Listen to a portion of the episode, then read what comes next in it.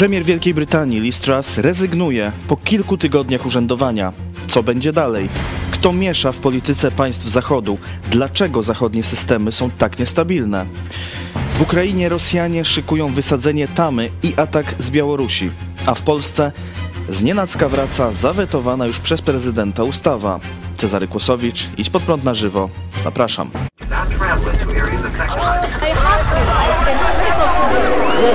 Przestępcami.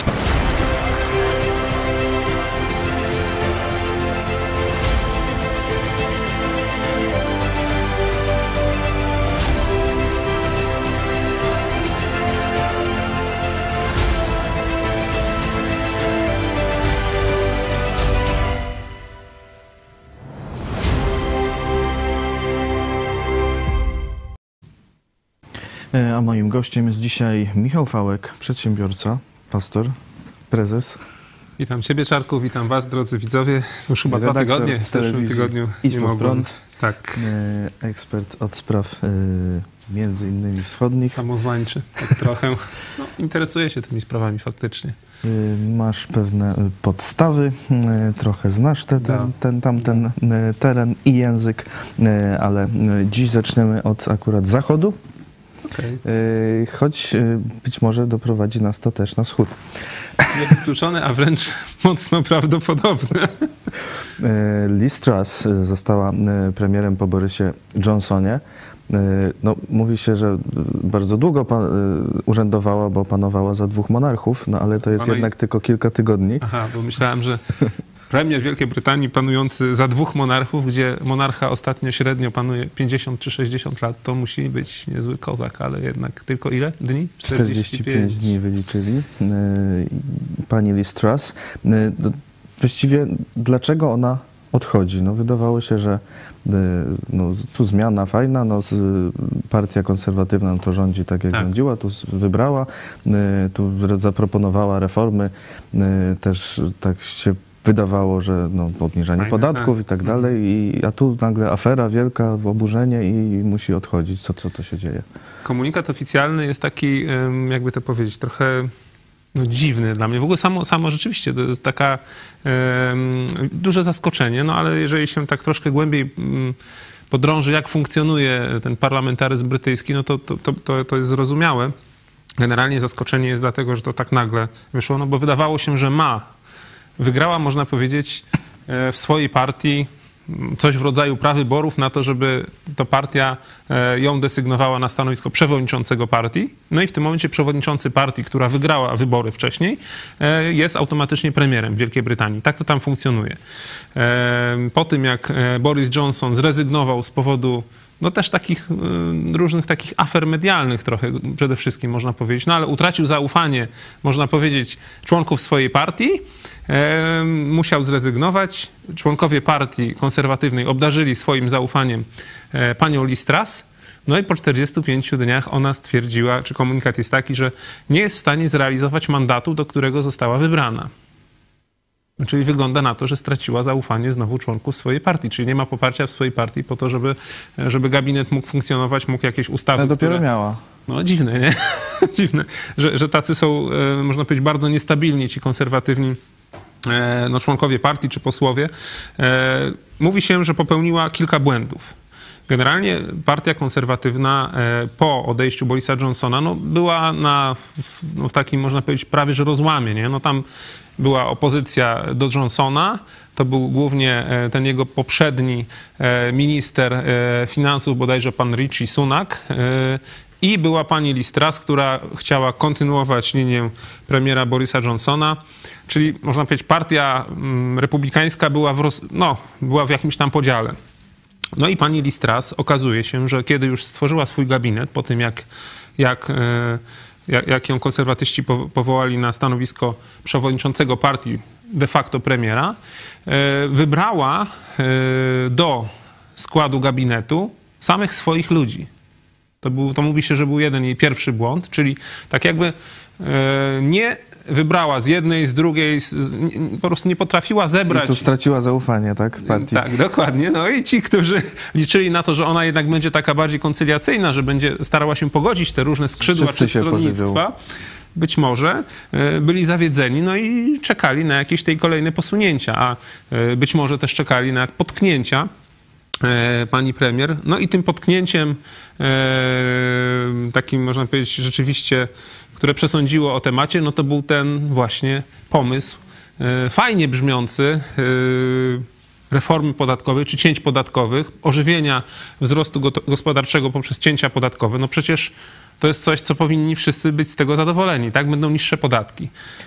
Ale okazało się, e, że pomysł pani Listras na sfinansowanie obniżek podatków to był taki, że po prostu zwiększymy zadłużenie, czyli zaciągniemy dług po to, żeby zmniejszyć podatki.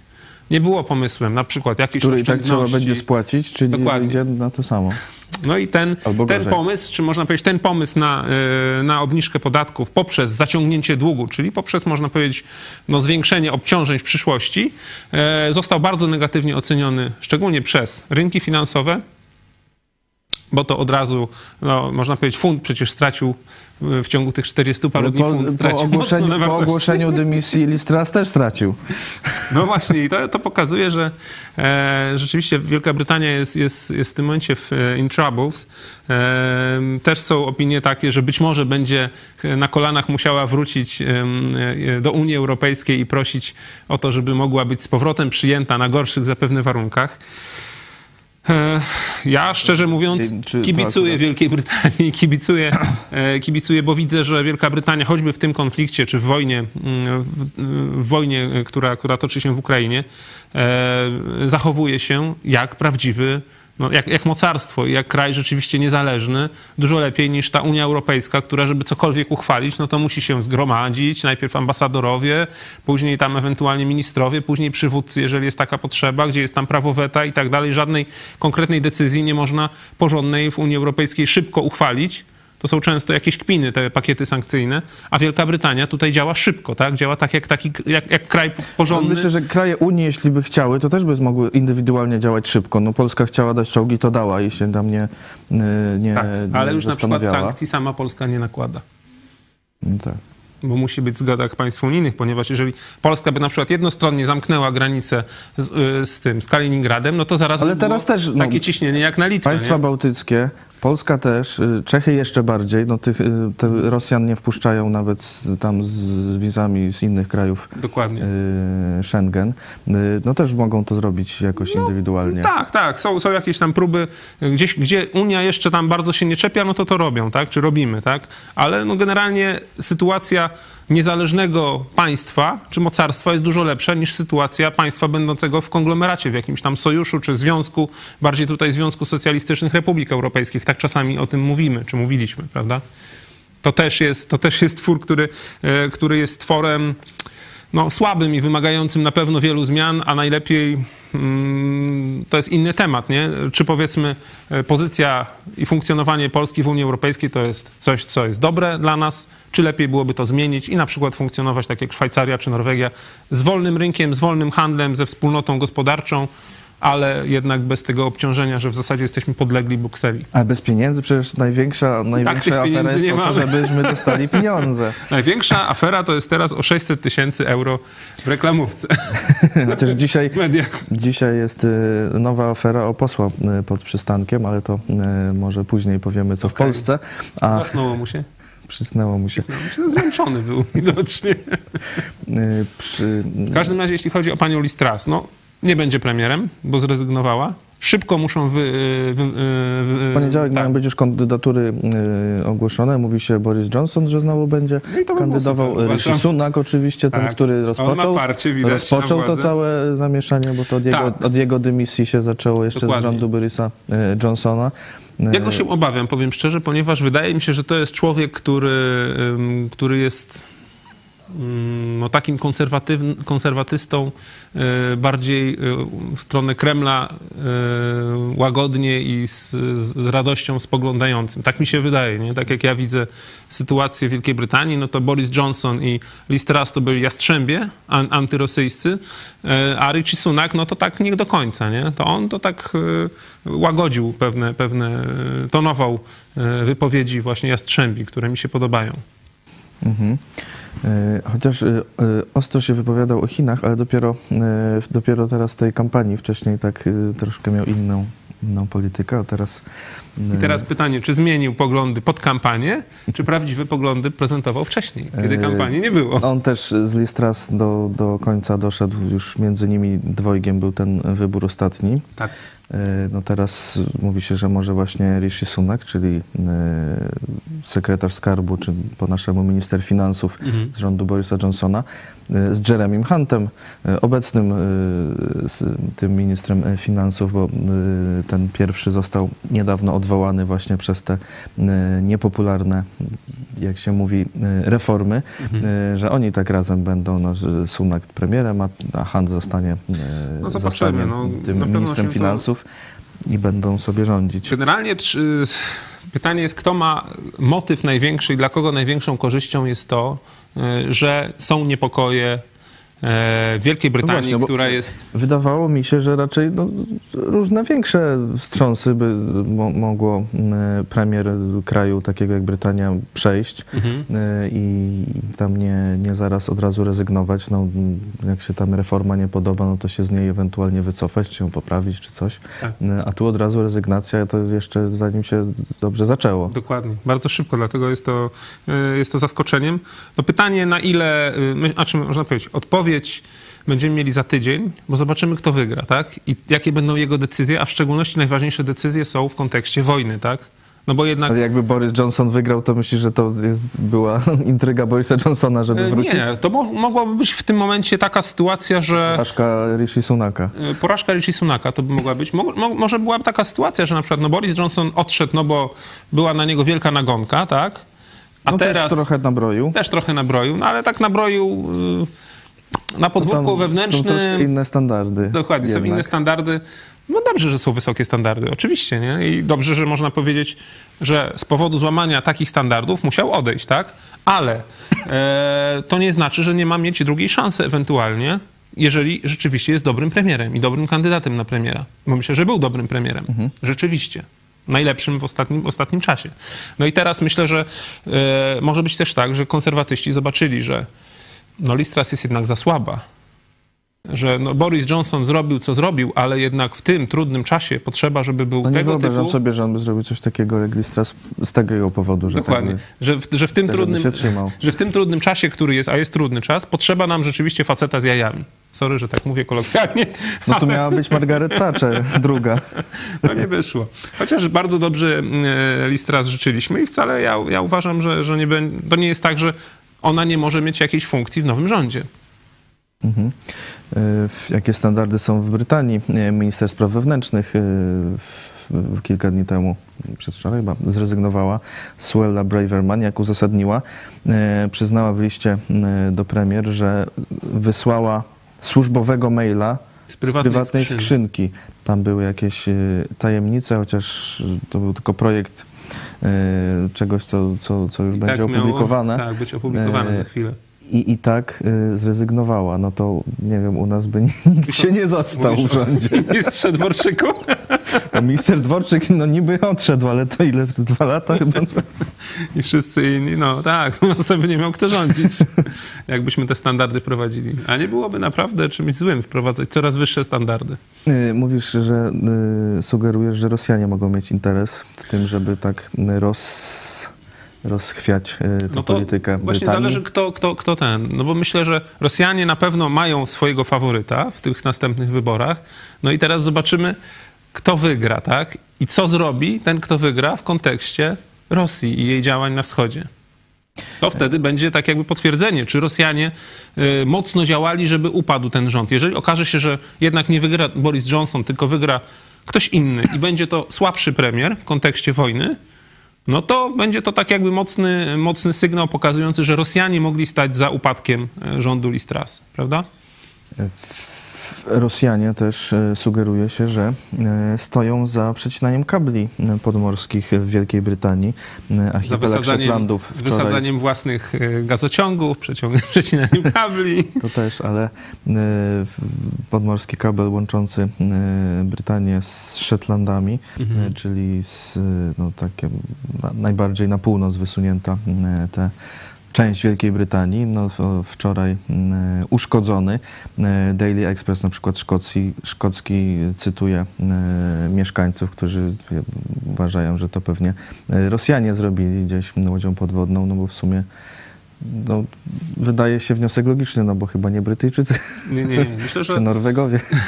Putin, Putin w tym momencie gra bank, tak? On już jest w sytuacji takiej, że nie ma innego wyjścia. E, Jeżeli chce przetrwać, no to jednym z jego scenariuszy na przetrwanie i na jakiś tam, może nie zwycięstwo, ale porażkę przynajmniej wizerunkową jak najmniejszą, a być może on myśli, że i zwycięstwo, to jest, y, no, on obejmuje tak jakby kilka aspektów. Po pierwsze to jest doprowadzenie do tego, żeby y, w Ukrainie infrastruktura krytyczna została zniszczona, żeby nie było ciepła, prądu, wody i tak dalej, żeby ludzie nie mogli żyć, szczególnie w warunkach zimowych, tak? E, Czyli chce Ukraińcom zrobić to, co zrobił w Mariupolu, e, no, można powiedzieć późną zimą czy wczesną wiosną tego roku e, i chce doprowadzić do kolejnego eksodusu Ukraińców na wschód, czyli w tym momencie sprawia kłopoty Polsce i innym krajom europejskim, szczególnie Europy Wschodniej, które są zaangażowane w pomoc Ukrainie. No, trudniej pomagać, kiedy ma się samemu pro, problemy i kłopoty.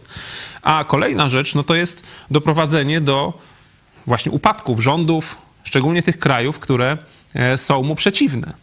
Przecież Putin nie będzie e, prowadził do upadku rządu e, węgierskiego. To chyba jesteśmy przekonani, że na Węgrzech to Orban jest bezpieczny, jeśli chodzi o działania agentury rosyjskiej. Natomiast kraje, gdzie rzeczywiście są mocne działania przeciwko Rosji, Wielka Brytania, rząd upada. Kolejny. Stany Zjednoczone, za chwilę są midterm, wy- wybory te w połowie kadencji. Lider mniejszości republikańskiej w niższej izbie kongresu, czyli w, Iz, w Izbie Reprezentantów, Kevin McCarthy mówi, że on tu by przestawał już finansować Ukrainę. pomoc. No właśnie. I coraz więcej wyborców partii, czy w ogóle Amerykanów, no tam mówi, że, że już trochę za dużo, a że jeśli by to miało oznaczać inflację u nas, to w ogóle to, to nie chcemy e, wspomagać Ukrainy. To ciekawe, że tu się jakoś odwraca, że to, to, to demokraci i Biden bardziej e, do, do pomocy Ukrainie jakby wygląda, e, są chętni. No to jest ciekawe, no ale ja na przykład e, to, co mówi były prezydent Donald Trump, wspieraliśmy go bardzo mocno. Ja uważałem, że to był świetny prezydent, ale to, co dzisiaj mówi na temat e, Putina i wojny w Ukrainie, to dla mnie tego człowieka w tym momencie dyskwalifikuje jako przywódcę takiego z właściwym spojrzeniem globalnie na świat, na, na to, co się dzieje na świecie. Owszem, on może być dobry, jeśli chodzi o sprawy Ameryki, ale Ameryka jednak jest liderem światowym, liderem e, no też demokracji, szczególnie tych wartości chrześcijańskich i ona jednak musi stawać na swoim miejscu. Takie miejsce zajęła, nie może oddawać pola, bo to wtedy, jeżeli Ameryka odda pole, to na to miejsce już Chiny tam są, już przebierają nogami, żeby, żeby stać się liderem świata. Tylko, że wtedy będziemy mieli świat całkiem inny, nie? Wtedy będą Chiny w tym świecie rządzić, e, Rosja, komuniści, terroryści, będzie to, co jest w tym momencie w Ukrainie, to będzie na Tajwanie, gdzie tylko im się zamarzy, tak? Będą albo podbijać siłą, albo będą podbijać gospodarczo. Natomiast e, no to, co, to, co, to, co Trump, to, co w tym momencie przed, przedstawia, że on twierdzi, żeby nie doszło do wojny z Putinem. Nie jestem tego pewien, czy by nie doszło do wojny z Putinem. Jeżeli by nie doszło, chwała Bogu, super by było. Ale jeżeli by doszło, jednak, no to okazuje się, że chyba Biden jest lepszym prezydentem na wojnę niż wydaje się, że y, mógłby być Trump z, z tego, co on mówi, prawda? Jakim byłby prezydentem, co on by zrobił. Z kolei tu y, rząd dla Stanów Zjednoczonych w, w środku jest y, dobrym y, prezydentem, bo tutaj y, ekonomicznie i tak y, dalej, no to tak. tu się dzieją y, On bardzo popełnia, złe rzeczy. tak, no i popełnia wiele błędów, oczywiście. Także no w tym momencie, no ja patrzę nie jako obywatel Stanów Zjednoczonych, ja patrzę jako wiem, ale no jak się Ameryka osłabnie, to nie będzie mogła nawet te, też tej roli Tak. pełnić. Tylko myślę, że no tutaj jest taka dynamika, e, można powiedzieć, tego, co się dzieje na świecie, że e, pytanie, czy lepiej, żeby Ameryka jednak tutaj miała silną obecność, silną tutaj i silną e, na Dalekim Wschodzie, czyli też Ameryka przecież zapowiedziała, że jeśli Chiny zaatakują Tajwan, to ona będzie bronić zbrojnie. E, i jakoś tam borykała się ze swoimi kłopotami wewnętrznymi, z którymi mamy nadzieję, że sobie, no, może sobie poradzić, jeżeli, jeżeli, jeżeli rzeczywiście yy, będzie szła właściwą drogą. No właściwa droga to jest, to jest powrót do wartości konserwatywnych jednak, czy y, lepszym rozwiązaniem dla świata jest, żeby y, przejęli władzę w tym momencie republikanie, próbowali nawrócić Amerykę na dobrą stronę, ale w tym momencie y, ci źli, czyli oś zła, może zająć Europę Wschodnią, może zająć Tajwan i przyjdzie Ameryka za kilka lat odnowiona, ale już będą tutaj Gruzy, nie? Takie tak. mamy scenariusze do wyboru. Teraz no właśnie zbliżają się wybory e, w Stanach Zjednoczonych, te e, Trzy, połowy tak. kadencji tak zwane, czyli no, częściowe do kongresu. Tu prognozuje się, że właśnie republikanie odzyskają większość Mhm. e, w kongresie. E, No a tu są takie wypowiedzi, choć oczywiście są republikanie, którzy całkiem Inaczej inaczej e, e, mówią, no ale tam ci część, duża część republikanów jakoś argumentuje, że to zajmowanie się Ukrainą e, odciąga uwagę od najważniejszego przeciwnika, czyli od Chin. Ja Mhm. ciągle nie rozumiem, dlaczego oni to dzielą. E, Oddzielają jedno Tak, takie drugiego. głosy są oczywiście nierozsądne, ale myślę, że I czy to jest y, faktycznie, że oni nie rozumieją, czy, czy, czy, czy No. właśnie rozumieją, ale są jakoś wa- inspirowani skądś? y, te, wiesz, te akurat frakcje republikańskie czy frakcje prawicowe mają niestety często powiązania z Kremlem, bo oni e, widzą Kreml, czy widzą Rosję absolutnie fałszywie jako strażnika wartości konserwatywnych. Nie? Przecież często jest takie, takie myślenie, że to Rosja jest krajem, gdzie broni się religii, broni się chrześcijaństwa, gdzie broni się e, wartości obyczajowych, gdzie właśnie występuje się przeciwko e, rozwięzłości, przeciwko upadkom małżeństw, przeciwko rozwodom, przeciwko homoseksualizmowi, tak, przeciwko aborcji. Tylko, że dane, jeżeli ktoś spojrzy na dane, a nie, a, nie, a nie zacznie powielać tych kalek, czy nie zacznie wierzyć w takie slogany, które przecież Rosja właśnie, to Rosja tak jakby zbudowała taką swoją markę i renomę, że oni są konserwatywnym krajem, a tak naprawdę to jest kraj upadły moralnie. Przecież to jest kraj, gdzie rozwodów, ostatnio gdzieś taką czytałem analizę, że rozwodów na 100 małżeństw to jest ile? 90? Jakoś tak naprawdę mega dużo, nie? W Rosji. Aborcji oczywiście Yy, też dużo, no nie? Homoseksualizm, no to mówi się, walczy się z tym, ale, ale no, też takie rozwiązłości są. Także Rosja wcale nie jest krajem konserwatywnym. Tylko, że Zachód, on żyje w, takiej, w takim micie, nie? Często właśnie ci Francuzi kochają Rosję, że Rosja... to tutaj- skąd on żyje? Bo to trudno, jak się chce co, czegokolwiek dowiedzieć o Rosji, no to trudno nie zauważyć, że to jest kraj, y, przepraszam, z gówna i z patyków. Dokładnie. Gdzie y, może eksportować jedynie e, ropę. Stacja benzynowa, jak to mówił McCarthy, y, Ropę, McCain. przemoc, delikatnie mówiąc, i, i HIV-a. I, I tyle to Tak, to jest upadły jest. kraj, ale właśnie na Zachodzie często ci ludzie e, cały czas wierzą, że to jest ta wspaniała Rosja yy, Dostojewskiego, Czajkowskiego, taka no, kulturalna i tak dalej, jeszcze taka konserwatywna, nie? Jakby się tak No dobrze tak- wczytali w tego Dostojewskiego, to nie wiem, czy to się tak... Ja, ja wiesz, ja tego, ja tego e, można powiedzieć, no, nie, nie, że nie rozumiem, no nie, no, poraża mnie właśnie ta indolencja Zachodu, ale ona jest właśnie robiona dzięki temu, czy tak jakby wpływ na to ma to, co robią komuniści chińscy i też rosyjscy, no można powiedzieć dyktatorzy i cały, cały system, to jest ta, ta miękka propaganda, czyli urabianie społeczeństw Zachodu po to, żeby oni wierzyli, że my nie jesteśmy tym, kim jesteśmy naprawdę. Żeby nie walczyli z, nimi, z nami na ostro, nie? Norwegia, premier Norwegii e, powiedział, że rosyjska aktywność wywiadowcza w Norwegii znacznie wzrosła. Istnieje realne zagrożenie dla bezpieczeństwa naftowego i gazowego. Wojna zbliża się do nas, tak e, mówi Jonas Garstore. E, Czyli e, kolejny e, kraj, który tu widzi wzrost rosyjskiej agentury, zagrożenie sabotażem między innymi właśnie tych e, platform e, czy, czy ogólnie infrastruktury e, Wojskowej. związanej z naftą. Zresztą ostatnio też była informacja, pewnie mówiliśmy o tym w poprzednich programach, że cerkiew rosyjska skupowała działki w A pobliżu to bazy. kolejna, tak, kolejna informacja, którą... Bazy wojskowej w Norwegii. Dzisiaj, tak. Akurat y, skupuje ziemię y, naprzeciw rosyjskich baz.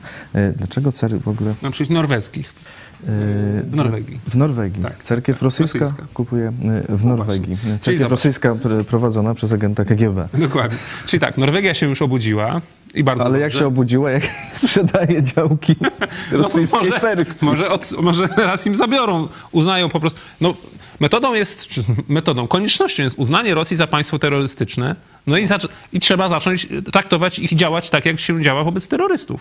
Jak się działa, wobec Bin Ladena? No on był poszukiwany na całym świecie, wróg publiczny numer jeden, aż został zgładzony. No to jeżeli uznajemy Rosję za państwo terrorystyczne, a jest Rosja państwem terrorystycznym, no to powinno się zrobić na całym świecie. To, co już robi e, Ukraina. Ukraina już wysyła listy gończe za Miedwiediewem, już wysłała list gończy. E, za Łukaszenką dzisiaj jest informacja, że wysłała list gończy. Oficjalnie prokuratura ukraińska wysłała list gończy za panem Łukaszenką, tak?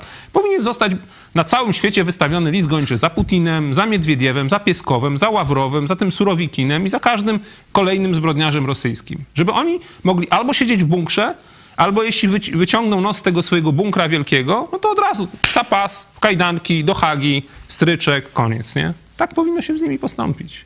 E, Wspomniałeś Surowikina, on teraz e, przedstawia plany, e, znaczy straszy, że e, Ukraina wysadzi swoją tamę, jednocześnie to Rosjanie obstawili tę tamę ładunkami wybuchowymi. Dokładnie. Tak samo jak cały czas straszyli, że Ukraina rozwali swoją elektrownię jądrową w Zaporożu, bombardując ją czy ostrzeliwując, a teraz straszą rzeczywiście, y, że, y, że wysadzą tamę w Nowej Kachowce. No jeżeli by do tego doszło, a czy oczywiście Ukraina tego nie zamierza zrobić, tylko Rosja zamierza zrobić taką prowokację. Widać, że się już do tego medialnie tak jakby przygotowują, czyli biorą to na poważnie, taką możliwość. No zobaczcie, straszyli, cały czas straszyli atomem, Nikt się tego de facto nie przestraszył. Była odpowiedź Zachodu: jeśli wy użyjecie broni jądrowej, to będzie po was. To zniszczymy wam armię, to zniszczymy wam flotę czarnomorską i tak dalej. Myślę, że w tym momencie też powinna być ostra odpowiedź Zachodu. Jeżeli wysadzicie tamę w Nowej Kachowce, bo wysadzenie tamy Nowej Kachowce, w Kachowce w najgorszym przypadku powoduje e, falę powodziową o wysokości 5 metrów, No, jak o prędkości do 24 km na godzinę. Zełenski sam mówił, że będzie zalane przynajmniej 80 miejscowości, w tym część Hersonia. Tak. I będzie, będzie praktycznie może zginąć kilkaset tysięcy ludzi. E, Co ciekawe, kto zginie wtedy? Bo zobaczcie, co Rosjanie teraz robią. Rosjanie ewakuują się z prawego brzegu tak naprawdę, bo dostarczają tam mobików, czyli tak zwanych tych zmobilizowanych żołnierzy, czyli mięso armatnie. Dostarczają tam mięso armatnie, natomiast ewakuują stamtąd wszystkich tych swoich oficjeli, kolaborantów, wojsko zawodowe ewakuują e, z Hersonia na lewy brzeg.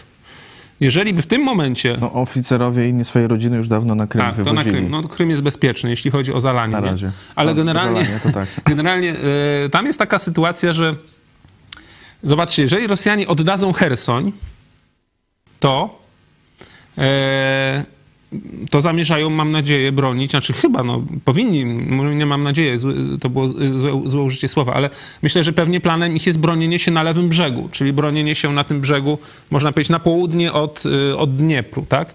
No ale kształtowanie terenu jest takie, że północ Dniepru to są wzgórza 30, 40, 60 metrów nad poziomem wody, a zalana zostanie lewa część. No tak, Tak? Czyli oni, jeżeli rozwalą tamę, Hersoń tu akurat jest przed zalaniem w miarę bezpieczny, tylko jakaś część byłaby Dokładnie. bo jest na Jeżeli- tym wyższym brzegu. To zobaczcie, jaki to jest absurd, nie? Ale to po prostu pokazuje idiotyzm Ros Rosji, nie? Że oni tak samo jak rozwalili sami, uważam, most krymski, e, to był ich pomysł, e, Ale po to, żeby Rosjanie mieć już pretekst. mają, mają tradycję, bo w, w Dokładnie. 41 Też zalewa. chyba po ataku, Tak, tak, tak. e, przy, przy ataku niemieckim wysadzili, no wtedy można powiedzieć swoją tamę w Zaporożu e, i zalali, no tam Niemców zginęło z półtora tysiąca, a, a miejscowych Tak, ze tylko że ponad 100 wtedy rzeczywiście oni bronili się przed tym. No to było oczywiście zbrodnia na swoich ludziach, bo w ogóle mm, po, pokazuje mentalność rosyjską, że dla nich e, Rosjanin nie ma żadnego znaczenia, inny człowiek tak samo. Ale w tym momencie, jeżeli oni do, dokonają te, tego aktu, no tej zbrodni można powiedzieć, e, takiej technologicznej czy no terrorystycznej, to oni zaleją lewą część, e, można powiedzieć, tego, tego obszaru. Czyli Hersoń niewiele ucierpi, niewiele, samo miasto, główna część miasta niewiele ucierpi, lewy brzeg ucierpi i te wioski, e, można powiedzieć, Ale miejscowości poniżej. Nie, Ukraińcy nie będą mogli przejść. Dokładnie, czyli zobaczcie, oni spowodują to, że Ukraińcy nie będą mogli przejść. Ale tak naprawdę pokazuje, dlaczego to jest idiotyzm, nie? E, ja uważam, że Ukraińcy wcale nie będą chcieli przejść. Jeżeli Ukraińcy wypchną ruskich za Dniepr, czyli zdobędą Hersoń, to oni nie muszą dalej przechodzić. Bo w tym momencie e, oni tam wiążą dosyć duże siły i dlatego Ruscy się tak bronią, bo oni tam wiążą około 12 ukraińskich brygad. Jeżeli Ukraińcy dojdą do Dniepru, Ruscy wycofają się, opuszczą Hersoń, co w zasadzie już się powoli dzieje, to w tym momencie Ukraińcy są bezpieczni, jeśli chodzi o kontratak ruskich, bo Ruscy z powrotem nie odbiją Hersonia, nie ma szans żadnych. Będą mogli tam mieć jedną, dwie brygady, które sobie będą odpoczywały, a te 10 brygad uwolni się i będzie mogło pójść na inne odcinki frontu. Szczególnie mówi się o odcinku zaporowskim tam. I tam mogą wtedy uderzyć w stronę Mariupola, w stronę portu w Berdiańsku, przeciąć tak jakby korytarz e, ten z Rostowa, do lądowy z Rostowa na Krym, prawda? Także dla Ukraińców wcale bezsensem, można powiedzieć takim e, taktycznym, czy militarnym, czy e, bezsensownym byłoby przejść przez Dniepr i dalej przeć, no nie? Im wystarczy dojść do Dniepru, i w tym momencie zwalniają siły, które mogą iść tam na, w Donbasie, Ługańsk, tam wy- wyzwalać, prawda? Bo jeżeli tam wyzwolą, to później sobie mogą z powrotem zawinąć i pójść z powrotem tutaj wyzwolić w stronę Krymu. Tak, tak, taki, to jest myślę najbardziej sensowny plan. Czyli jeżeli Ruscy e, by w tym momencie zalali część poniżej Dniepru, to tak naprawdę zalewają część tą, której oni, na której oni dalej się będą mogli bronić. Sami sobie zaszkodzą, to pokazuje ich idiotyzm, ale no wiecie, to jest y, człowiek, gdzie tylko myśli takimi, wiecie, jak bardziej zniszczyć, jak, jak bardziej sprowokować, jak dać pretekst, żeby później uderzyć, no bo przecież zniszczenie mostu krymskiego przez ruskich dało im pretekst, rzekomo, do tych ataków na infrastrukturę krytyczną, które już były wcześniej w ogóle mm, planowane, bo one były pl- zaplanowane zanim most już były krymski... przygotowywane. Dokładnie. Także to pokazuje, najpierw planują coś, później robią pro prowokacje, tak jak Niemcy e, zniszczyli radiostację w Gliwicach, to dokładnie te same metody Ruscy mają, a później o, Ukraińcy zniszczyli, uderzamy w nich ostro, nie? I teraz będzie tak właśnie, że uciekną trochę, tam co, co, co bardziej wartościowych wycofają, mobików zostawią, zniszczą tamę. O, Ukraińcy zniszczyli tamę, to są zbrodniarze, to są terroryści, uderzamy w nich znowu rakietami i tak dalej. Ale To tutaj może już... pretekst, żeby broń jądrową odpalić? Może tak być. Ale myślę, że tutaj mam nadzieję, że te ostrzeżenia, czy no to, co, to, co Putin usłyszał od Zachodu na temat użycia broni jądrowej, wystarczy, żeby zastanowił się nie raz, nie dwa, ale powinien też 10 razy. usłyszeć co do, y, co Co do, tej- tego co do tej tamy, tak. wysadzenia tamy, Tak. bo to y, skala może być y, podobna. Y, Podobnie broń masowego rażenia, podobnie zresztą y, tam konwencjami y, zabroniona. Pytanie, jeżeli by do tego Y, doszło. Atakowanie tam jest zabronione, nawet jeśli to są obiekty wojskowe. Dokładnie. Co by świat zrobił? Bo świat jest po prostu. E, To, jak świat reaguje, a dokładnie czego nie robi, to jest tragiczne dla mnie, nie? Przecież Rosja powinna być dawno już wyrzucona z Rady Bezpieczeństwa ONZ. Z ONZ-u tak samo. Powinna być ogłoszona państwem terrorystycznym. No jakoś, wiecie, no, nie Turcja... może. No w Stanach są, jest już kilka projektów. Tak, w Stanach jeszcze- jest kilka projektów, Biden się boi, no bo to, bo to jest za duże konsekwencje będzie miał, bo to jest tak jakby broń atomowa gospodarcza. No trzeba to zrobić. Jeżeli chce się tę Rosję pokonać, to trzeba to zrobić po prostu i tyle, nie? Druga sprawa to, y, czy Rosja zaatakuje od strony Białorusi, y, bo o tym się też y, mówi. Y, Mówi się, że Białoruś mobi- mobilizuje, co pewnie nie jest jakimś wielkim zagrożeniem dla Ukrainy, no ale też, że Rosja tam gromadzi jakichś żołnierzy i że mogłoby wzdłuż polskiej granicy na południe, na Lwów, próbować odciąć Ukrainę od dostaw, które idą z Polski przez Polskę. Faktycznie jest tak, że Rosja ściąga siły na Białoruś e, i w tym momencie to mówi się tam o około 10 tysiącach żołnierzy. E, No są dwa możliwe scenariusze, jeżeli chodzi o atak. Albo będą próbowali na Kijów znowu, co jest samobójstwem, bezsensowne całkowicie. No albo rzeczywiście tutaj po e, zachodnim brzegu, wzdłuż mniej więcej polskiej granicy, od strony Brześcia, gdzieś tam w stronę Lwowa, żeby odciąć szlaki zaopatrzenia. Wydaje mi się, że to ugrupowanie to by było po prostu też jednak krokiem samobójczym. Oni są do tego zdolni, ale to, to by było krokiem samobójczym. Po pierwsze, Ukraińcy tam nie zostawili tej, y, tej granicy bez obrony. To po pierwsze. Po drugie, oni już 8 miesięcy przygotowują tę granicę do obrony. Czyli tam są i wojska, i jest przygotowana infrastruktura do obrony. Umocnienia, jakieś tam bunkry i tak dalej. No, zaminowane są przecież wszystkie przejścia. Nie jest tak, że oni sobie tam wejdą teraz. To już nie będzie efektu, efektu zaskoczenia, nie? No po trzecie, myślę, że sama Białoruś nie będzie w tym brała udziału. Łukaszenko już w tym momencie nie ma kontroli nad wojskiem. On ma kontrolę nad strukturami siłowymi, tymi swoimi, tym KGB i tak dalej na pewno. Natomiast, znaczy to nie jest tak, że nie ma całkowicie kontroli nad wojskiem, ale jeżeli by wojsku kazał zaatakować e, Ukrainę, to być może byłby jego ostatni rozkaz. Mogłaby mu się po prostu armia zbuntować i pójść na Mińsk, wygonić go z pałacu, powiesić i tak dalej. Skończyłby być może jak, jak Czałczesku, nie? Także myślę, że on się będzie bronił dalej na wszelkie możliwe sposoby, żeby oni nie weszli y, oficjalnie e, do walki jako Białoruś przeciwko Ukrainie. No, mówi się też, że Ukraina y, powinna mieć prawo, coraz więcej, coraz więcej jest głosów ekspertów i polityków, że Ukraina powinna mieć prawo do y, uderzenia wyprzedzającego. Czyli jeżeli będzie widzieć, że tam Rosja na terenie Białorusi gromadzi swoje, e, swoje siły i zamierza je rozwinąć do ataku, to powinna mieć prawo uderzyć na teren Białorusi, żeby zniszczyć tam w zarodku em, tych ruskich orków, zgnieść ich po prostu, żeby no, nie było w ogóle z czym startować. Ja uważam, że to jest dobry pomysł i tak powinna zrobić. To jest wojna bronią swojego terytorium. To jest tak, jak właśnie jest e, prawo obrony koniecznej, tak? Czy jeżeli ktoś wchodzi do twojego domu, no ty ma, ja uważam, że masz prawo bronić się wszelkimi e, e, dostępnymi ci środkami. I nie patrzysz, czy on do ciebie idzie z kamieniami, z nożem. Ty bronisz się tym, czym, czym masz. Nawet możesz wyciągnąć karabin maszynowy i takiego gościa odstrzelić. Takie jest moje zdanie, tak? Jeżeli na przykład widzisz, że jest tutaj, em, nie wiem, ogrodzenie twojego domu i zbiera się tam banda i ona wykrzykuje, wyciąga broń i tak dalej, to ty masz czekać, aż oni wejdą do twojego domu? Czy nie możesz się ostrzelać już wcześniej, nie? No to jest właśnie takie pytanie. Dobre pytanie. Jest wojna, jest wojna. Oni bronią, oni bronią, można powiedzieć, swojego kraju, bronią swoich kobiet, swoich dzieci, swojej niepodległości. Jeżeli Rosjanie z Rosją są w stanie wojny, jeżeli są tam wojska rosyjskie, no to sorry, panie Łukaszenko, najwyżej ci później wyremontujemy tę bazę po wojnie, ale w tym momencie walimy po niej, bo tam są Ruscy, którzy chcą nas zniszczyć. Lepiej bronić się na cudzym terytorium, niż później mieć to, co zrobili Rosjanie w Siewierodonieńsku, w Wysyczańsku i tak dalej. Gruzy tylko, nie? E, Zdecydowanie, e, zdecydowanie e, tak. Mamy komentarze od Państwa. Wcześniej chciałbym jeszcze raz powtórzyć, że nasze stare konto bankowe zostało w końcu odblokowane, ale cały czas prosimy, by przekazywać jednak na, to, na ten drugi numer konta. Podajemy na grafice i na czacie i dziękujemy bardzo wszystkim, e, którzy wspierają. E, Zachęcamy też oczywiście do e, subskrybowania i do kontaktu telefonicznego, e, tylko nie teraz, bo teraz e, Michał Fałek nie odbierze. Ale później oddzwonię. No wiele fajnych rozmów. Wczoraj chyba miałem dwie takie ciekawe rozmowy. Także dzwonicie i... Dzwońcie dalej. No. 536 813 435.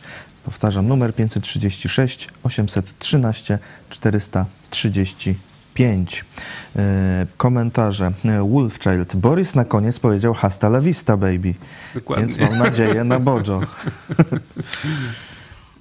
Mariusz, e, to miała być żelazna dama, wyszła szybka list. No sorki, ale co to ma być, że się ktoś stara o premierostwo i podejmuje tego ważkiego działania i po tylko ponad miesiącu zwiewa? No. Waldemar, moim zdaniem, była już premier, nie wytrzymała presji otoczenia związanej z inflacją. A nasz premier wytrzymuje, chociaż jest większa y, inflacja. Ale nasze obligacje skarbowe nie wytrzymują. Rentowność dzisiaj chyba 9% przekroczyła. Czyli rząd się zapożycza na najgorszych w historii warunkach. Najgorszych w historii warunkach. Nasz rząd. 9%. Y, Nie wiem, jak Pytanie, długo nasz premier wytrzyma. Bo jest wytrzymały, ale ile da rady, no nie wiem. Czy odda. Y, Johnny Walker y, chciała obniżać podatki. Y, Król też maczał w tym paluchy. To ciekawa. No, niewykluczone, nie? Niewykluczone. Król Jerzy, no to jest Jerzy III, tak? To jest król, który, no tak, on, on, on wcześniej nie będąc królem, miał możliwość bardziej się wtrącać w politykę oficjalnie, bo tak, tak jakby, no, on nie był królem, król generalnie Karol III. tak, Karol III, przepraszam. Oczywiście. Yy, Karol III. Yy, Wtedy, nie, wtedy mógł bardziej angażować się w przeróżne e, polityczne i zazwyczaj miał dużo do powiedzenia, no, mm, on akurat. No a teraz musi tak jakby ustąpić trochę, no bo jest królem, tak? Generalnie w Wielkiej Brytanii król to jest bardziej reprezentacyjny, reprezentacyjna funkcja, a rządzi rząd. No, a Karol to tak... Mówi się o nim, że on bardzo by chętnie tam swoje ręce gdzieś tam po cichu... być premierem może. No, premierem nie może być i królem jednocześnie, ale może chcieć mieć swojego premiera. I Waldemar Boris Johnson raczej już nie ma dużych szans, by wrócić na stanowisko premiera, bo stracił zaufanie społeczeństwa. Uważam, że Sunak zostanie mianowany na nowego premiera Wielkiej Brytanii. Może tak. Może tak być. No i wtedy zobaczymy, y, jeśli Sunak rzeczywiście zostanie, no to zobaczymy po jego y, pierwszych tygodniach, pewnie więcej niż 45 dni się utrzyma,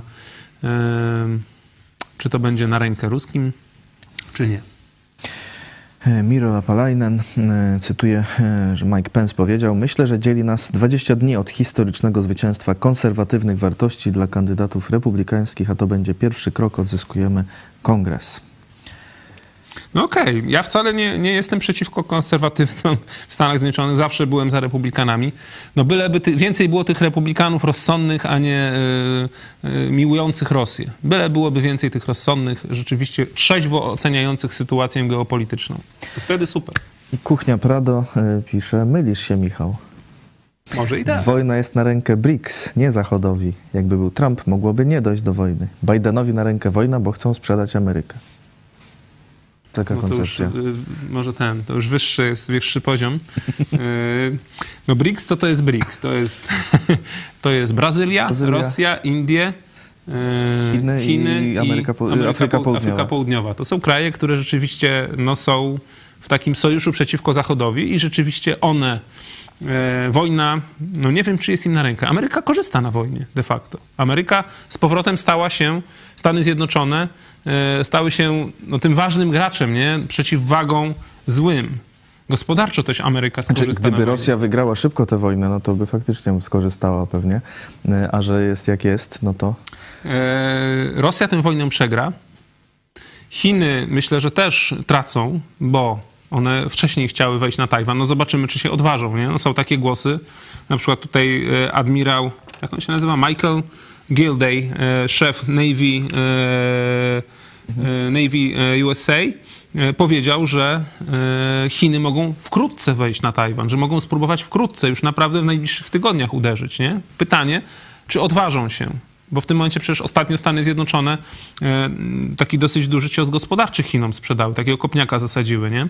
E, W kwestii e, pół- półprzewodników, nie? Czyli w kwestii- gospodarczej. Także Amerykanie jednak dalej wraz ze swoimi sojusznikami, Wielką Brytanią, tutaj Europą, mamy nadzieję, że nie wiem, Niemcy i Francuzi nie skrewią, jak będzie potrzeba. Myślę, że też, też by były opozycją dużą dla Chin. RPA, Ameryka Południowa rzeczywiście słabo się zachowuje. Brazylia tak samo słabo się zachowuje. No Indie też się słabo zachowują, bo kupowały y, ropę od ruskich, ale przestały kupować, nie? I też ten, y, tam się nazywa... Indie zawsze patent- z, Rosją Tak. tam się dość trzymały, tam O, dokładnie, ale z i kolei tak in, Indie tam mają na pieńku trochę z Chinami, także tutaj jest napięty temat. No generalnie jest ten blok rzeczywiście i ten blok to jest wielka przeciwwaga dla Zachodu. Jest to blok taki autorytarny bardziej. E, zobaczymy, jak to się rozwinie, ale ta wojna myślę, że póki co jest wygrywana przez Zachód. Rosja przegra tę wojnę. Strategicznie już przegrała. Gospodarczo Rosja po prostu będzie. No ona, mówi się o rozpadzie Rosji wkrótce, nie? I coraz więcej takich jest głosów, i coraz też więcej jest w Rosji takich inicjatyw. Przecież już Baszkorstan, czyli Baszkiria, notabene mie- miejsce, w którym byłem w Rosji, e, jak, jak byłem w wieku kilkunastu lat, to właśnie jest Baszkirii. Magnitogorsk jest, e, jest miastem, mimo że jest miastem takim europejskim, wydaje się, ale, ale jest właśnie w Baszkirii, gdzie tam stolicą jest Ufa, to już chcą niepodległości, tak? Tatarstan tam i tak dalej. Wiele różnych krajów może powstać. Ale czy to by było y, dobrze, bo tu na przykład y, Jakub Kumoch mówił w wywiadzie dla Prost, szef Biura Polityki Mhm. Międzynarodowej, że Polska nie chce rozpadu Rosji. Chce tylko, żeby Rosja przegrała wojnę. Znaczy, Ale nie zależy nam na rozpadzie Rosji. A ja uważam, że to byłoby e, lepiej, bo przecież Rosja to jest państwo kolonialne, które, które ciemięży wiele ludów, nie? Przecież tak naprawdę to Mos- Moskwa wykorzystuje tych właśnie Burjatów, Tuwińców, Jakutów i tak dalej, przeróżne ludy e, do swoich, e, do swoich celów, tak? Po pierwsze rabuje, można powiedzieć, gospodarkę tamtych rejonów, czyli e, to tylko Putin i jego, e, jego, jego świta bogaci się na tym, a przecież ci ludzie dalej żyją w XIX wieku często, nie? jeśli chodzi o warunki i tak dalej. Ludzie w krajach, które mają y, zasoby naturalne, które im dał Bóg, w ogóle nie mają z tego korzyści. Rosja ich ograbia, nie? Te różne republiki związkowe. Dlaczego nie dać im szansy e, gospodarowania tym, co im Bóg dał, no tak jak chcą, nie? Dlaczego to Rosja, czy sama Moskwa ma być właśnie takim, wiecie, taką mm, pijawką, która wysysa z tych wszystkich tych? No to trochę tak jak Niemcy w Europie, nie? Tylko na większą skalę. Wcale nie uważam, że to źle by było, żeby tam, e, żeby tam się to rozpadło i powstało kilkanaście krajów. Wtedy Rosja sama nie będzie, e, czyli Moskwa nie będzie taka silna. A silna Moskwa, no to widzicie, jakie to jest zagrożenie dla świata i dla pokoju na świecie, dla innych krajów. Życzymy Niemcom i Rosjanom jak największej liczby krajów, y, ale w y, swoich granicach. Y, Przejdźmy w takim razie do spraw polskich. Sejm obraduje, uchwala ustawy, jedna za drugą.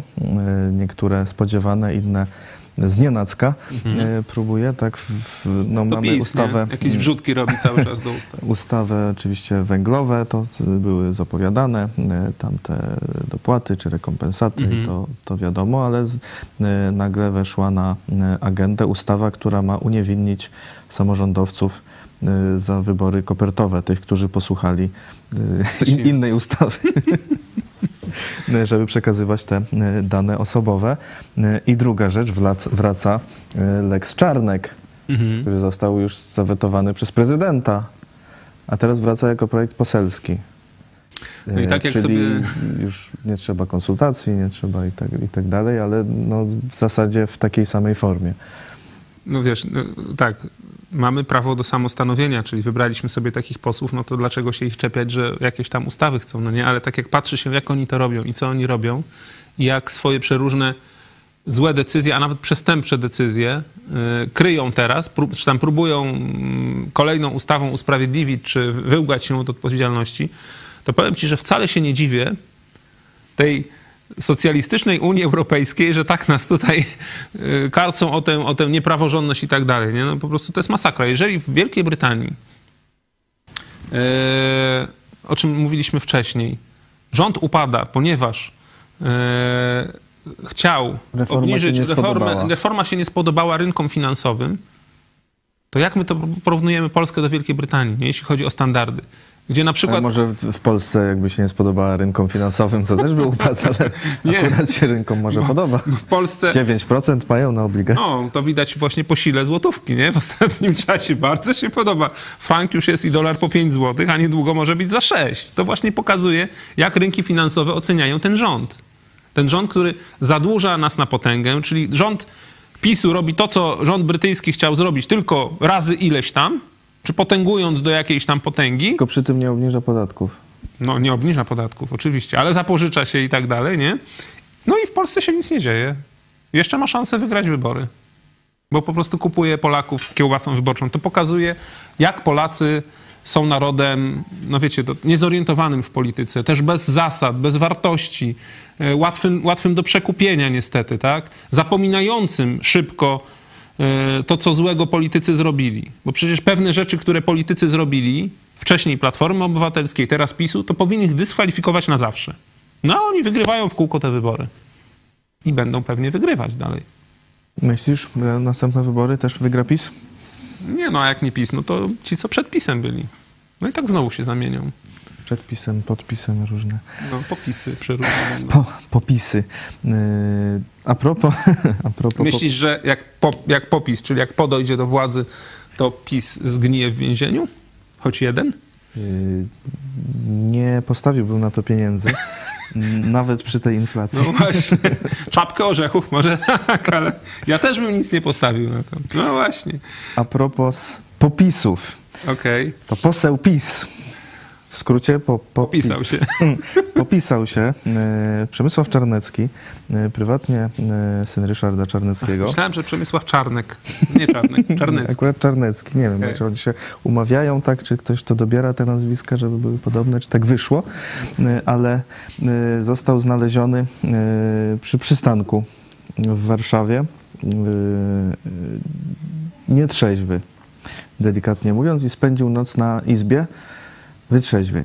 Może mu się leki Nie skończyły. w Wysokiej Izbie, tylko Ale wytrzeźwień. na, na pewno, czy aby tak było, bo może mu się leki To wedle skończyły. d- i- doniesień, które przekazuje TVN24, To yy, prawda. nieoficjalnie ustalono, że miał ponad 2 promile alkoholu Okej, czyli więcej w niż, organizmie. czyli więcej niż Jerzy, Trochę Jerzy, więcej niż Jerzy Jerzy. S.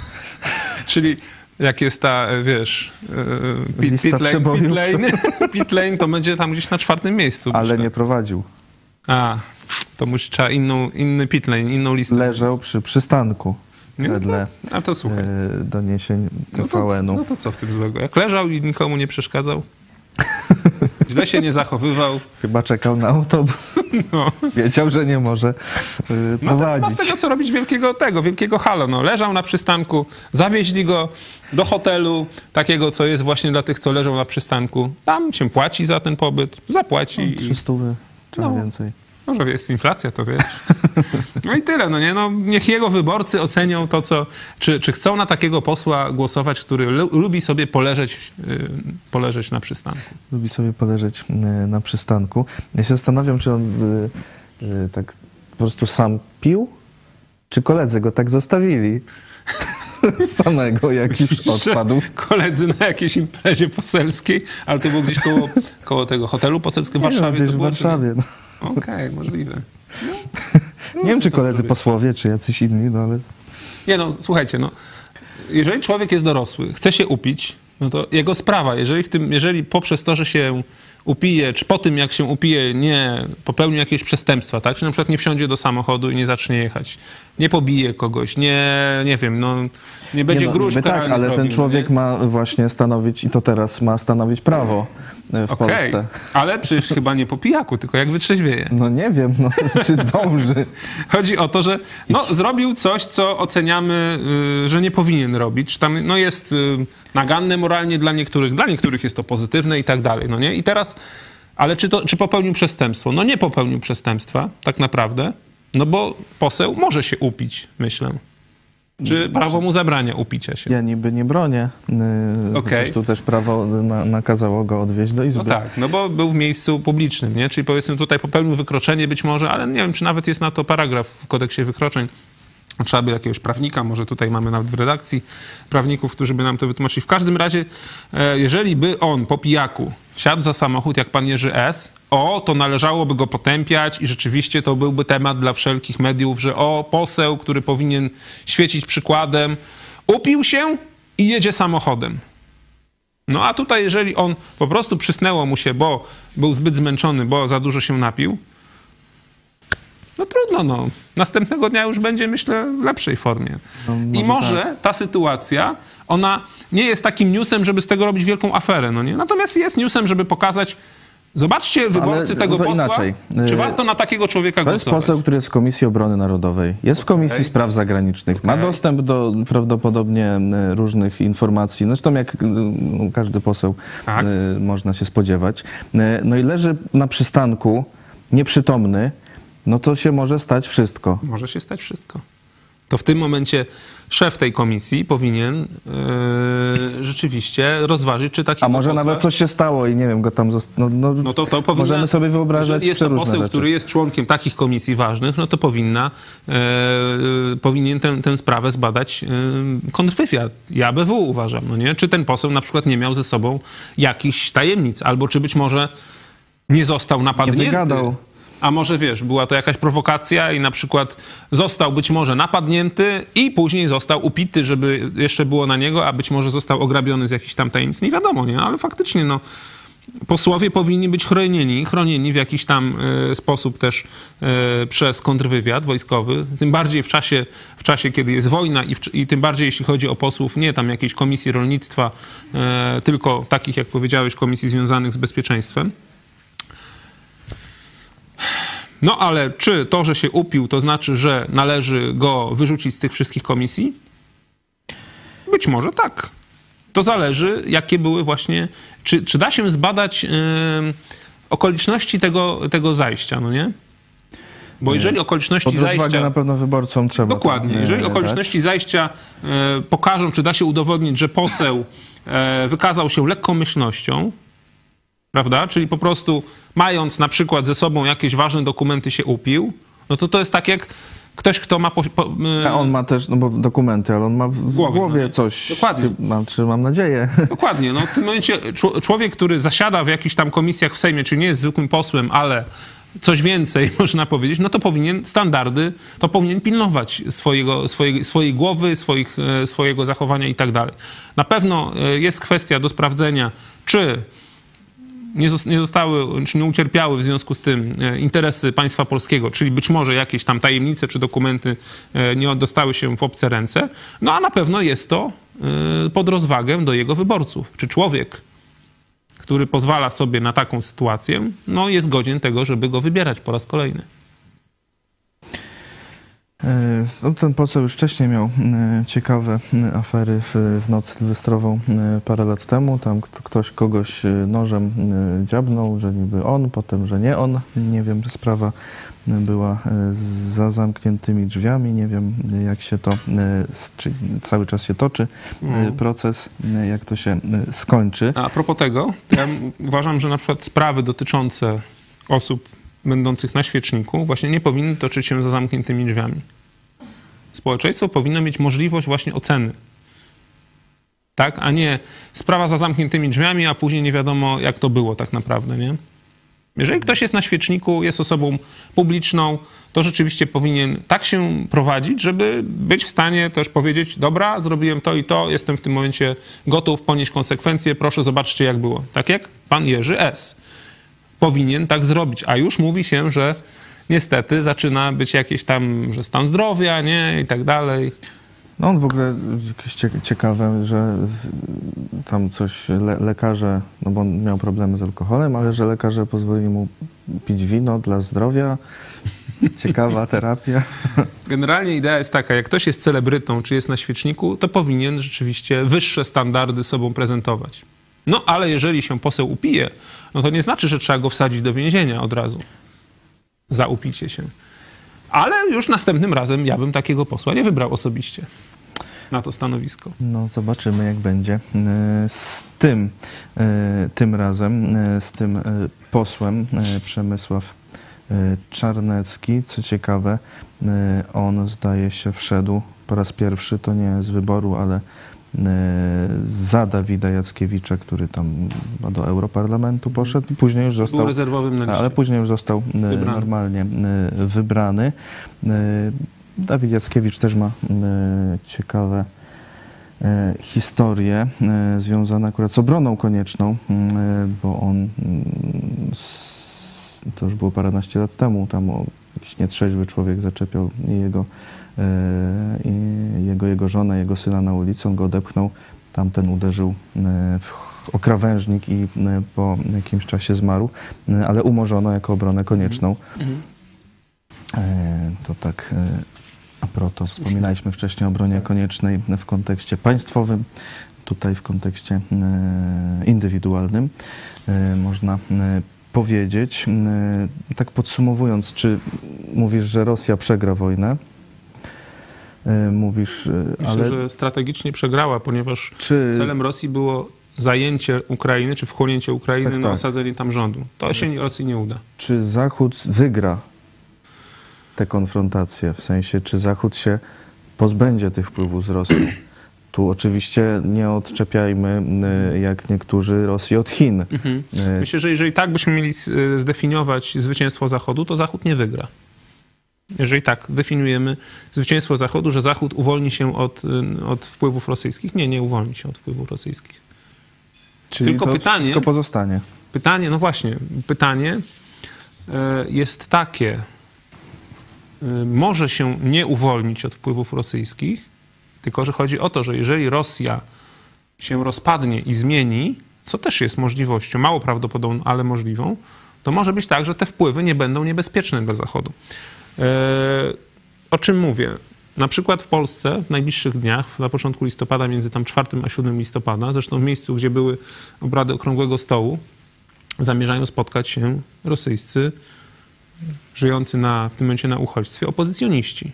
Między innymi e, były poseł Ilia Ponomarienko, to taki bardzo aktywny na, e, na Twitterze, Mark Feigin, akurat, którego ja często słucham, to też jest, on był wcześniej merem, wicemerem miasta Samara w Rosji, teraz jest na obczyźnie, żyje i wielu innych. Niektórzy jeszcze nie podają, można powiedzieć, nie, nie mówią kto będzie, ale szacuje się, że może być kilkanaście czy kilkadziesiąt osób, który, które chcą już e, tak jakby przedstawić, czy zaproponować, czy wypracować plan, jak ma wyglądać Rosja, nowa Rosja, tak? Po upadku Putina i po upadku tych siłowników, można powiedzieć. No bo liczą na to, że da się e, przejąć władzę w Moskwie i zmienić Rosję. Także jest taka możliwość. Nie? Myślę, że to jest możliwość jeszcze mało prawdopodobna, ale Putin pracuje nad tym, żeby była coraz bardziej prawdopodobna. Może mu się to uda. No i wtedy wiesz, jeżeli powiedzmy Rosja zmieni się w normalny kraj, to, by, to jest jakaś taka gigantyczna praca by musiała być, wielka rzecz, nie? Jeżeli byłaby zmiana w Rosji, bo to by oznaczało zerwanie z Chinami, zmiana społeczeństwa rosyjskiego, praca nad społeczeństwem, nad prowadzeniem tam jakichś zasad i tak dalej. To wydaje się, że to jest niemożliwe, jak się patrzy na rosyjskie społeczeństwo, nie? No ale może jeżeli by się do Boga odwołali prawdziwego, to by to się udało, nie? No, jeśli by się odwołali, tak, tylko właśnie. No, Pytanie, jakby czy? się odwołali, to by już była ta zmiana.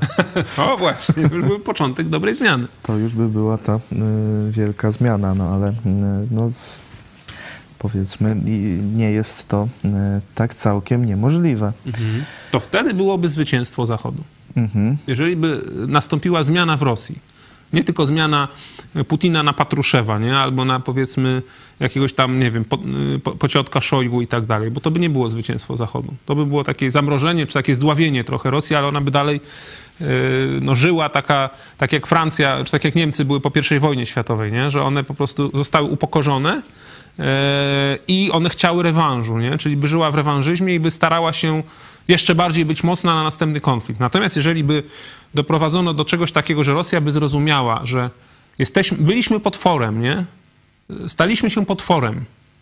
Nie możemy już tacy być. Musimy pokajać się, przeprosić, zmienić. Trochę coś takiego, co Niemcy przeszli po II wojnie światowej. Przecież naród niemiecki, tam w dużej części oni rzeczywiście stali się... Jakoś y, teraz widać, że wracają w stare. No, ale, Wrócili w stare ale to kolejne. no, może jeszcze nie aż tak, nie? ale generalnie... No nie, nie mówię, że, że Ale o czymś, takim, to samo, o, ale czymś takim, o czymś takim mówimy, nie? Jeżeli coś takiego by się stało z narodem rosyjskim, co się stało podobnego z narodem niemieckim, nie? Czy japońskim, może jeszcze bardziej, nie?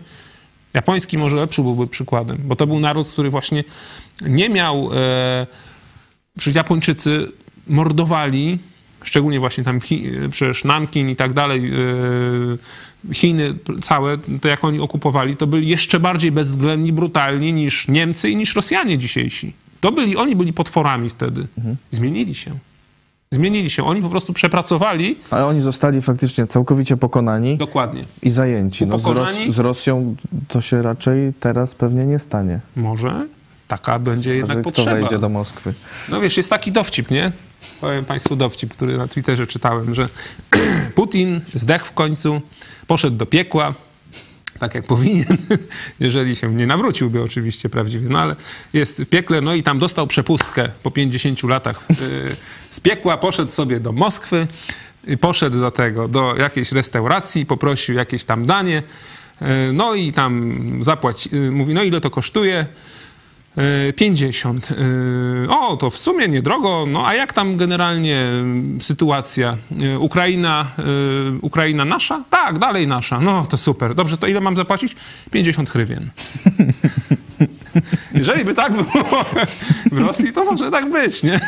Może, e, wiecie, skończy się to tak, że będzie musiała Ukraina od południa, Polska e, znowu wejść na Kreml od, od wschodu czy tam od zachodu rosyjskiego, no i doprowadzić do tej zmiany w Moskwie. Nie chodzi o to, żeby okupować, żeby tam, tylko żeby zmianę zrobić. Y, No już kiedyś weszliśmy do Moskwy, ale jakoś tak nie do końca. I tej przez- zmiana, zmiana potem była na gorsze. A to przez katolickiego króla, tego co ma kolumnę najgłupszy, najgorszy polski król.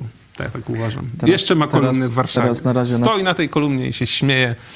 Y, Na razie w internecie y, Kaliningrad jest czeski, y, a Moskwa i Irkuck są Polskie. polskie. tak? No, tak może być. takie są. No właśnie, no, to taki rysujesz scenariusz Trochę fantastyczny. wymarzony, Wymarzony, no ale a no- tak realistyczny, no powiedzmy Rosja sobie przegra wojnę, wyjdzie z Ukrainy, czy zostanie Mhm. wypchnięta, y, no, ale się nie zmieni sama w sobie, no nie wiem, rozpadać się. no to trzeba powiedz- będzie dbać o to, żeby Rosja e, nie A te wpływy na zachodzie, no, które sam mówiłeś, no to cały czas będą. Zobaczmy w Polsce. Jest Monika Jaruzelska, która prowadzi wywiad wczoraj z, tak, z, z panem w, w Z jaszczurem. Tak, No no. to przecież y, I ludzie tego słuchają. A powinno być już pukanie z tego, z SKW albo z ABW.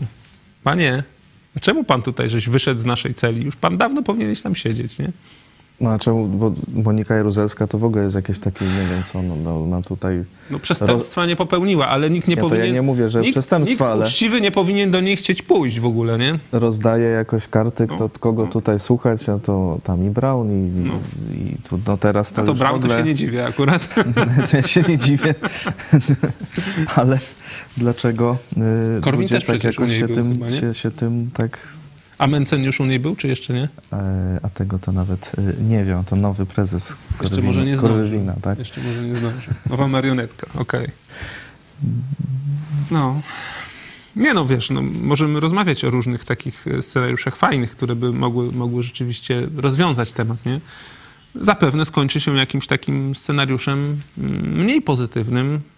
A do ABW tymczasem wchodzi sobie człowiek tylnymi drzwiami, robi zdjęcia, wychodzi i nikt go nie zatrzymuje. No.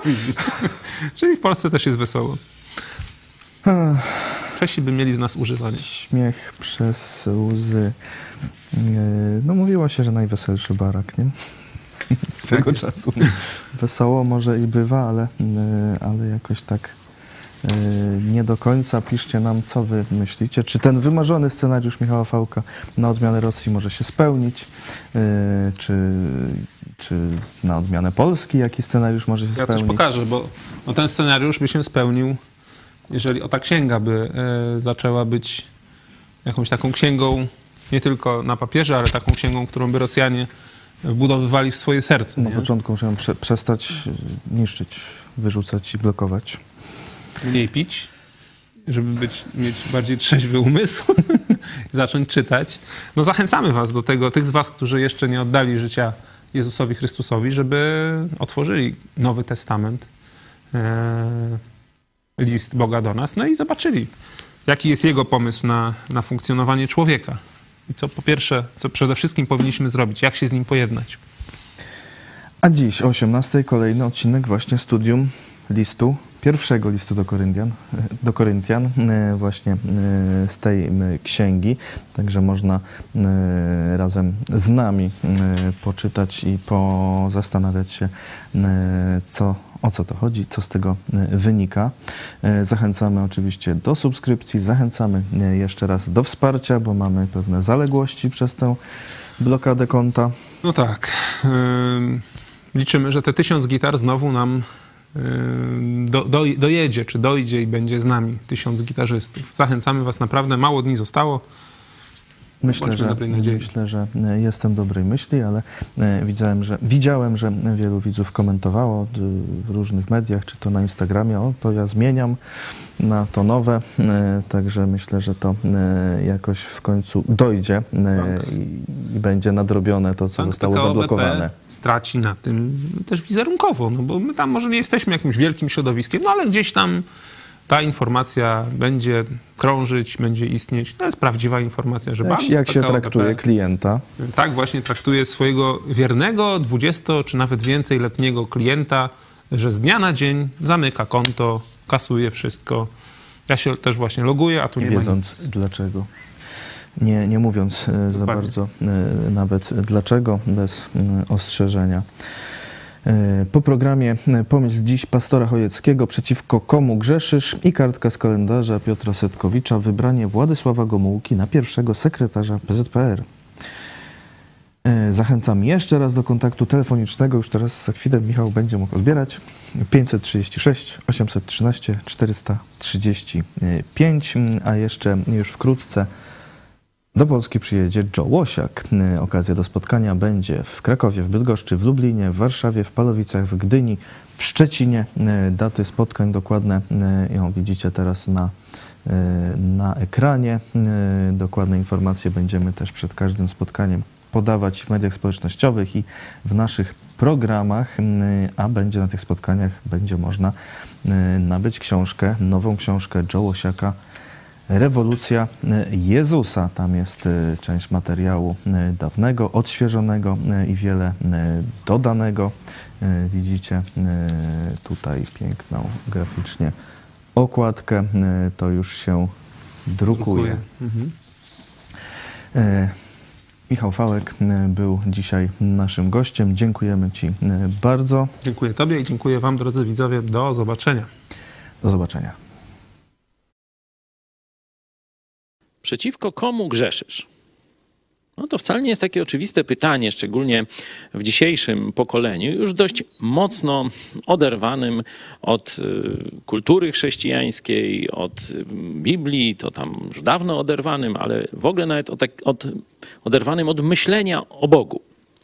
Kiedy już myślimy, że zrobiliśmy coś złego, no to zwykle no, widzimy po drugiej stronie jakąś osobę, dziewczynę, chłopaka skrzywdzonego, czy rodziców, czy dzieci, czy tam no, może jakąś klasę swoją, czy grupę.